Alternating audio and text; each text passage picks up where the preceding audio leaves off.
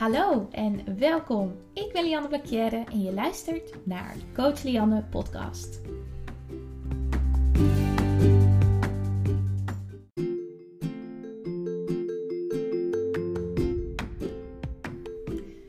Vijf jaar lang heb ik in gevecht gezeten met een eetstoornis, een depressie en onzekerheid over mijn lichaam speelt en over wat ik eigenlijk wilde en wie ik eigenlijk was. In deze podcast neem ik jou mee op een weg naar zelfliefde. Hoe jij dit voor jezelf kunt creëren. Hoe jij vrijheid rondom voeding en je lichaamsbeeld kunt creëren. En wat voor stappen jij daarvoor kunt ondernemen.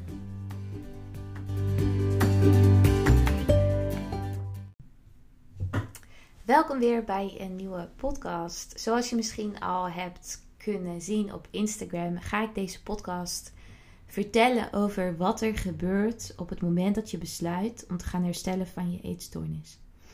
Ik heb het opnemen van deze podcast een beetje uitgesteld, omdat het, ik denk, een heel lang verhaal wordt. En het gevoel, of ik heb het gevoel dat het een beetje een onduidelijk verhaal wordt. Maar we duiken er gewoon in. En ehm, ja, ik vind het toch best wel een lastige vraag. En ik heb mezelf een klein beetje erin geworpen als in... Ik heb zelf voorgesteld om dit, om deze, om dit onderwerp te bespreken. Um, ik krijg deze vraag ook wel heel vaak. En ik ontwijk hem altijd omdat, ja, wat gebeurt er? Dat is bij iedereen natuurlijk anders. Maar er zijn wel een paar kerndingen die er gebeuren. En die ga ik in deze podcast bespreken. Um, ja, dus we, laten we er gewoon induiken. En allereerst wil ik trouwens ook nog even zeggen dat ik al jullie reacties op de eerste podcast heel erg waardeer. Dank jullie wel daarvoor, alle lieve reacties. En um, ja, dat geeft mij echt veel kracht om dit door te zetten. Ik moet zeggen dat ik het wel minder spannend vind nu. Ik vind het eigenlijk alleen maar heel erg leuk om dit te doen. Ik hou echt van spreken en inspireren. En ik hoop ook dat jullie uh, weer wat hebben aan deze nieuwe podcast. En daarnaast, ik heb zelf natuurlijk anorexia en bulimia gehad. En ik heb ook wel last gehad van eetbuien. Um, maar wat er gaat gebeuren in herstel is voor alle eetstoornissen een beetje anders. Dus ik hoop dat het toch een duidelijk verhaal wordt. Niet onsamenhangend als in we gaan van anorexia naar bulimia naar binge eating disorder. Um, ja, dus dat wilde ik ook nog even zeggen. Kijk, het eerste wat heel erg belangrijk is, is op het moment dat je gaat herstellen, dat je daadwerkelijk kiest voor herstel. Zoals je misschien in mijn verhaal, dus de eerste podcast, ook wel hebt kunnen horen, is dat op het moment dat je in behandeling gaat, heeft dat niks te maken met ik ga herstellen of ik heb de keuze gemaakt voor herstel. Want vaak ga je in behandeling omdat andere mensen vinden dat er iets aan de hand is, omdat het wordt aangevraagd door je ouders of omdat zij zien dat er iets aan de hand is, of dat zij zien dat je een eetstoornis hebt. Dus het eerste wat ik heel erg belangrijk vind om aan te kaarten is dat jij kiest voor herstel. Op het moment dat jij gaat kiezen voor herstel, ga je dus elke dag ook keuzes maken uit de herstelgedachte of uit de herstelintentie. En de her herstelintentie wil zeggen is dat jij gaat luisteren naar je ik naar je eigen ik, naar wat jij wil. Dus ik ging luisteren naar wat Lianne wilde. Wat wil Lianne? Lianne wil leven. En als ik wil leven, is het eerste wat mijn lichaam nodig heeft eten. Want ik moet eten om te overleven op dit moment. Omdat ik zo, zo uh, ondervoed ben. Dus dat is het eerste wat ik heel graag wil zeggen. Is dat kies jij voor herstel. En wat gebeurt er dan op het moment dat je gaat kiezen voor herstel? Heel veel tweestrijd ten eerste. Want die eetstoornisstem die is er nog wel. Het wil niet zeggen dat op het moment dat jij gaat kiezen voor herstel dat die eetstoornisstem weg is. Op het moment dat jij gaat kiezen voor herstel, creëer je heel veel tweestrijd in je hoofd eigenlijk. Want die eetstoornis blijft aan je trekken. Die blijft zeggen: nee, ga niet eten. Nee, uh, eten maakt je dik. Waarom ga je nu weer eten? Probeer dit te vermijden. Oh, je moet vanavond alleen eten, dus je hoeft dit niet te eten. Dus ik heb het nu even over anorexia herstel. Um, dus ja, het, het, het blijft in het begin heel erg die tweestrijd waar je dus helemaal gek van wordt eigenlijk. En toch was ik heel erg aan het focussen ook op eten. Want ik wilde eigenlijk heel graag aankomen. Dus ik moest genoeg binnenkrijgen. Dus eigenlijk draaide mijn hele wereld om eten. En heel veel rusten, heel veel slapen. Mezelf de toestemming geven om veel te rusten. En eten. Eten en slapen. De drang naar beweging is ook een dingetje. Je wil heel graag bewegen. Vaak, ik wilde heel graag bewegen. Ik wilde heel graag dingen doen. Ik wilde heel graag rennen. Ik wilde heel graag sporten. Maar dat mocht niet meer. Dus hoe kon ik mezelf toestemming geven om rustig te nemen? Ik was op op een gegeven moment. Dus ik kon ook niet meer. En op ik ging dan weer terug. Ik heb de keuze gemaakt voor herstel. Dus wat moet ik dan doen? Naar wie moet ik dan luisteren? Eigenlijk naar mijn lichaam. En mijn lichaam geeft aan dat het moe is. Alleen die drang, die bleef. De drang om te bewegen bleef. En hoe ging ik daar dan mee om? Ehm, ja, eigenlijk blijven zitten. Echt handelen naar je eigen ik. Handelen naar je common sense.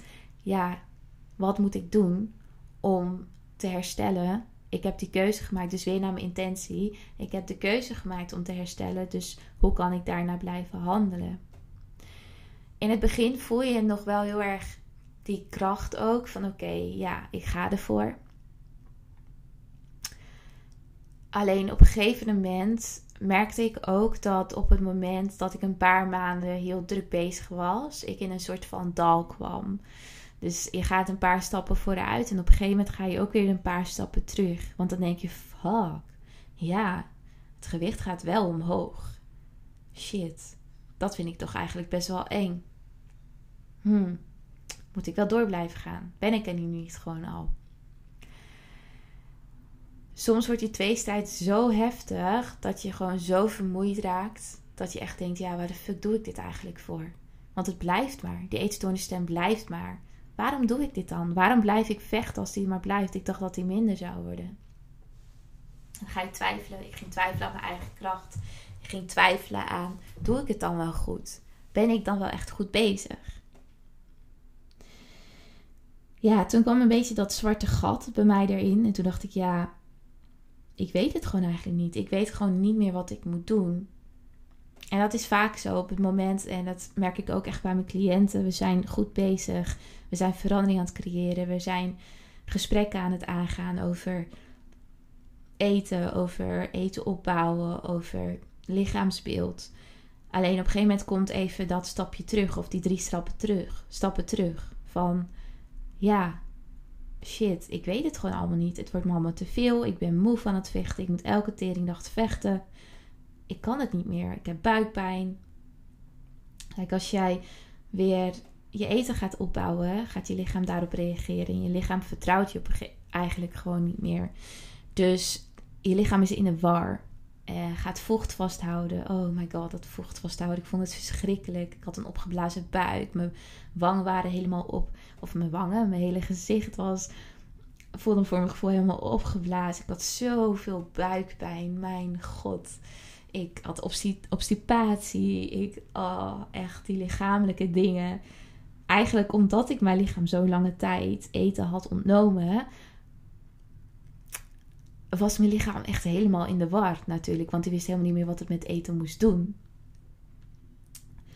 Dus dat zijn ook dingen die erbij komen. En daardoor is het ook heel erg lastig om in je hoofd te gaan bedenken van... oh fuck, ik moet gewoon doorgaan. Ik moet hier doorheen. De buikpijn die ik had elke nacht.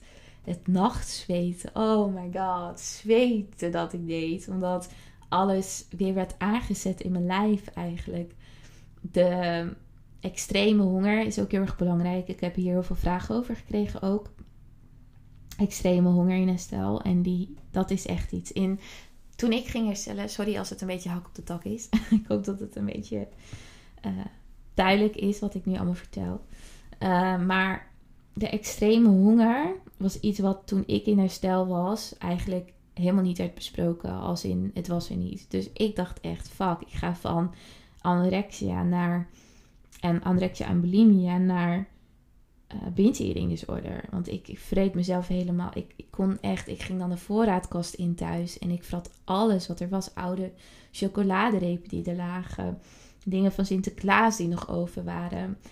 Um, snoepjes van, um, van Sint Maarten die er nog lagen. Nou, ik vrat alles op, echt stiekem, weet je wel. Ik wilde niet dat mijn ouders zagen dat ik zoveel at, want wat als, weet je wel.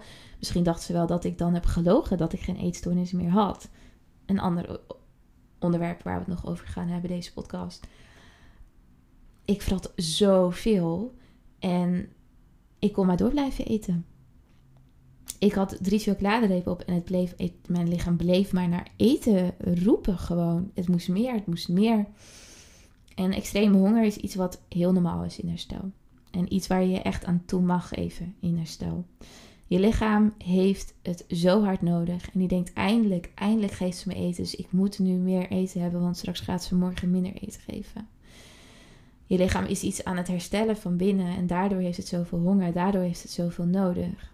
Je moet niet vergeten dat je een lange tijd jezelf hebt uitgehongerd. En op het moment dat jij jezelf weer eten gaat geven, gaat je lichaam weer denken: oké, let's go, we gaan ervoor. Het moet erbij, het moet er zo snel mogelijk bij, want eh, je organen gaan naar de kloten, je botdichtheid wordt minder. Alles, je hele zenuwstelsel raakt in de war. Je hersenen breken af, eigenlijk verschrompelen, verschrompelen als een walnoot. Het, het heeft zoveel nodig. Die extreme honger is er eigenlijk om jou te doen laten inzien van ja, kom op, je hebt meer nodig.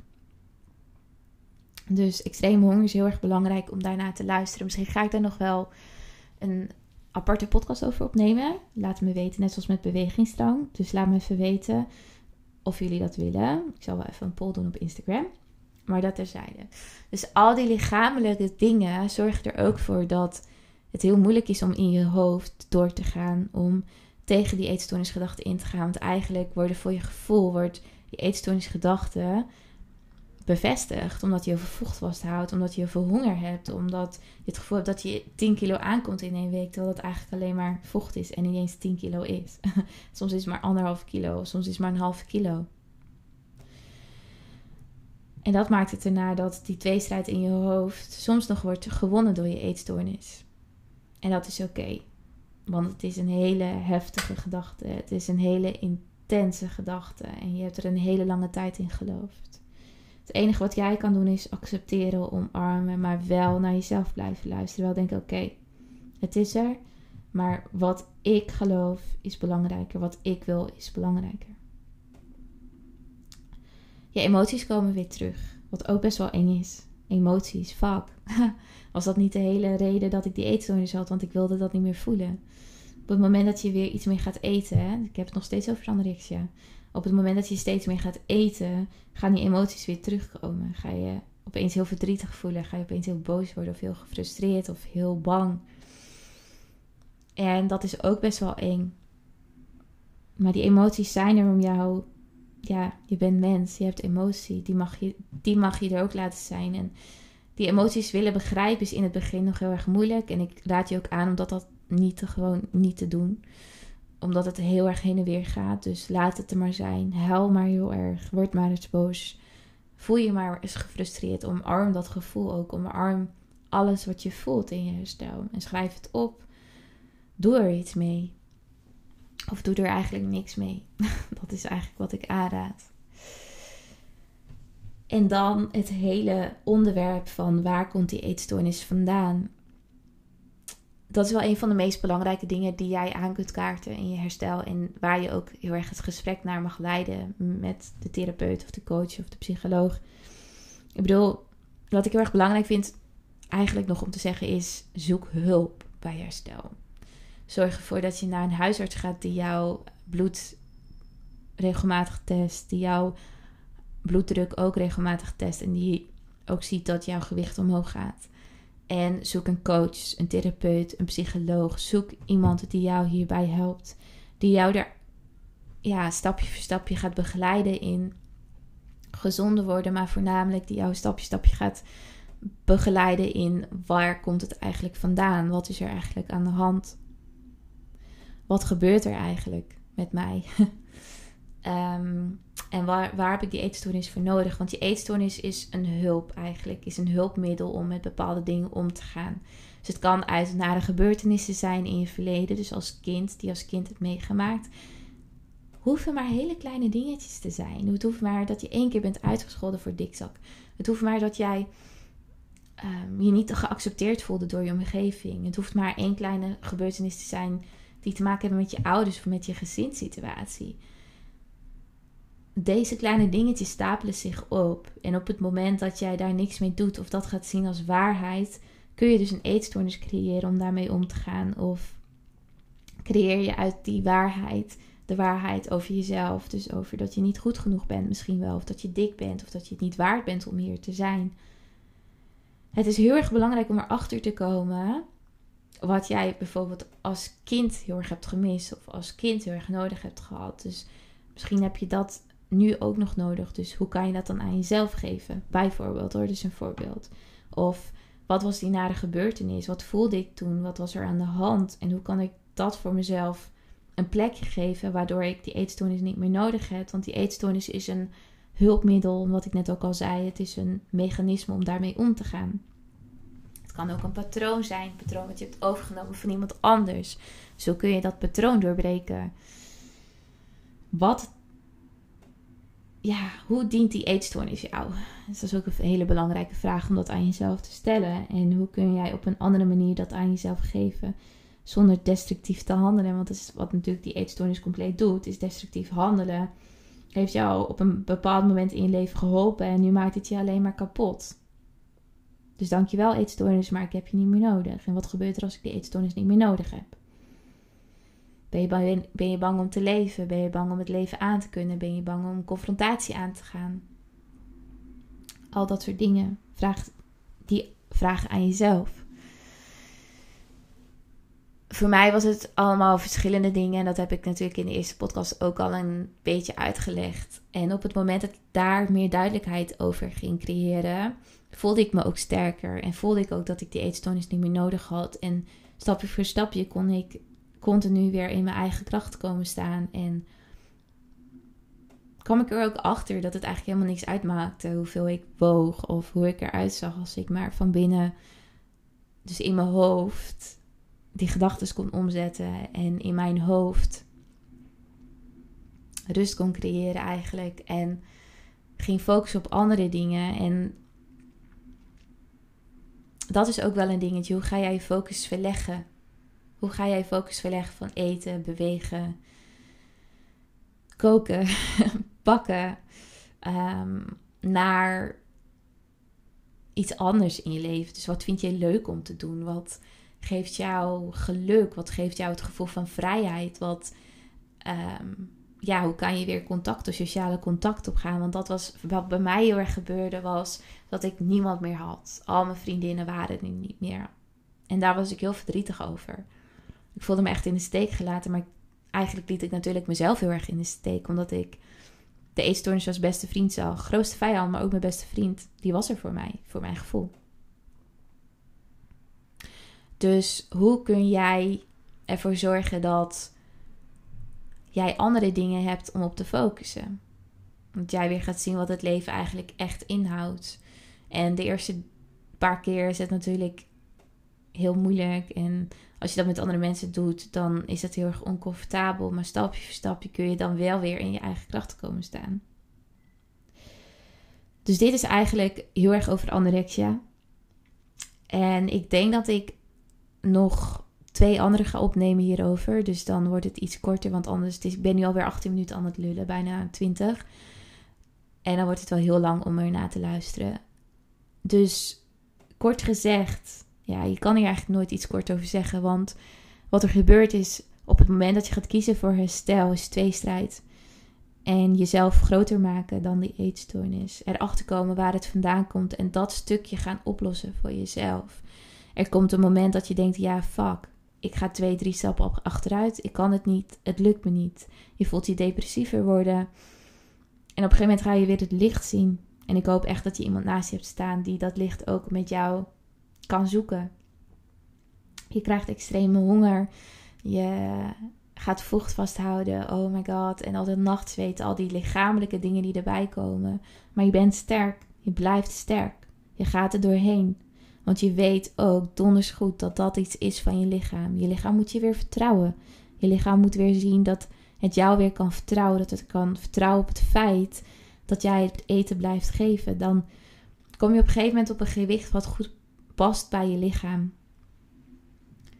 Jouw lichaam heeft een gewicht en dan kan je setpoint gewicht krijgen van je diëtiste. Bullshit. Jouw lichaam weet precies wat voor gewicht bij jou past en gaat het jou daar continu weer op terug wil laten doen. Is een hele rare zin, maar ik, snap, ik hoop dat je snapt wat ik bedoel. Dus ik kan er tegen vechten, maar het gaat toch wel weer proberen om daar naar terug te gaan. Dus je komt op het gewicht wat goed is voor je lichaam. Als meisje word je weer ongesteld. En dan weet je, oh ja, mijn lichaam werkt weer. De lichamelijke dingen worden minder. Het nachtzweten gaat weg. Het overdagzweten gaat weg. De extreme honger gaat weg. Het zuizende gevoel in je hoofd gaat weg. Je creëert een stukje ontspanning in je lijf. Je creëert weer een stukje vertrouwen. Vertrouwen dat jij vertrouwt op je lijf, maar ook dat je lijf weer kan vertrouwen op jou. Er komen momenten dat je weer in sociale situaties gaat bevinden. Er komen uitdagingen aan die jij aangaat en die jij aan kunt. Er komen weer emoties op. En hoe kan ik daar dan weer mee omgaan? Of hoe kan jij daar weer mee omgaan? Je gaat weer voelen, je gaat weer geluk voelen, maar je gaat ook weer verdriet voelen. Op het moment dat jij de intentie zet om te herstellen, ga je ervoor kiezen om het achter te laten. Alle shit eigenlijk die je hebt meegemaakt in je eetstoornis. Kan je niet loslaten, maar je kan het wel een plekje in jou geven. Je kan ervan leren. Wat heb je dan geleerd van je eetstoornis? Dat is ook een laatste punt waar je heel veel uit gaat halen, geloof ik. En voor iedereen is herstel anders. Denk niet dat dit de manier is om te herstellen, want er zijn verschillende manieren om te herstellen. Er zijn verschillende dingen die er gebeuren op het moment dat je gaat herstellen van een eetstoornis, van anorexia. Maar geloof wel dat alle lichamelijke dingen die er op je pad komen, die, de, die horen erbij en die kan je het beste maar omarmen, hoe moeilijk dat misschien ook is. Alle emoties die loskomen, die horen er ook bij. Paniekaanvallen horen er ook bij. En hoe kut het misschien ook is, deze maak je alleen maar sterker. Ik denk dat je eigenlijk wat er gebeurt op het moment dat je gaat herstellen, is dat je jezelf gaat leren kennen. Dat je jezelf weer gaat hervinden. Dat je sterker gaat worden. En dat je gaat zien hoeveel kracht je in je hebt als mens. Dat is wat er gaat gebeuren als je gaat herstellen. Het is een lange weg. Je gaat drie stappen, of je gaat een stap vooruit en drie stappen terug. Het is alsof je een berg gaat beklimmen. En die berg is heel erg groot. En die berg heeft zo nu en dan ook een dal ertussen. En dat dal zijn die momenten dat je gewoon niet meer weet hoe je nu verder moet. En toch krabbel je continu weer overeind. Want wat jij wil is herstellen. Wat jij wil is leven. Ik hoop dat je hier iets aan hebt gehad.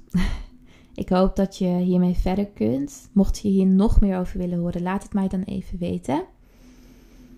En mocht je interesse hebben in coaching, ga dan even naar coachlianda.nl en daar vind je een kopje coaching. Uh, je kunt daar het contactformulier invullen en dan kom ik zo snel mogelijk bij je terug.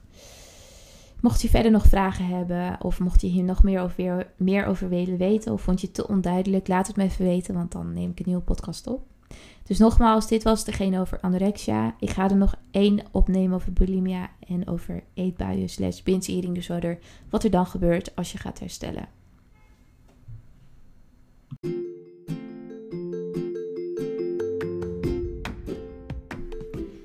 Nogmaals bedanken voor het luisteren naar deze podcast. Mocht je nou fan zijn van deze podcast en dit willen delen met je vrienden, zou ik dat super fijn vinden door dit te doen op social media. Zodat we nog meer awareness kunnen creëren rondom een verstoorde relatie tot voeding, sporten en je lichaam speelt. Hoe meer, hoe beter. Daarnaast, mocht je interesse hebben in mijn boek, de online cursus, of één op één coaching, ga dan even naar www.coachlianne.nl voor meer informatie. En daar kun je ook het contactformulier invullen en dan kom ik zo snel mogelijk bij je terug.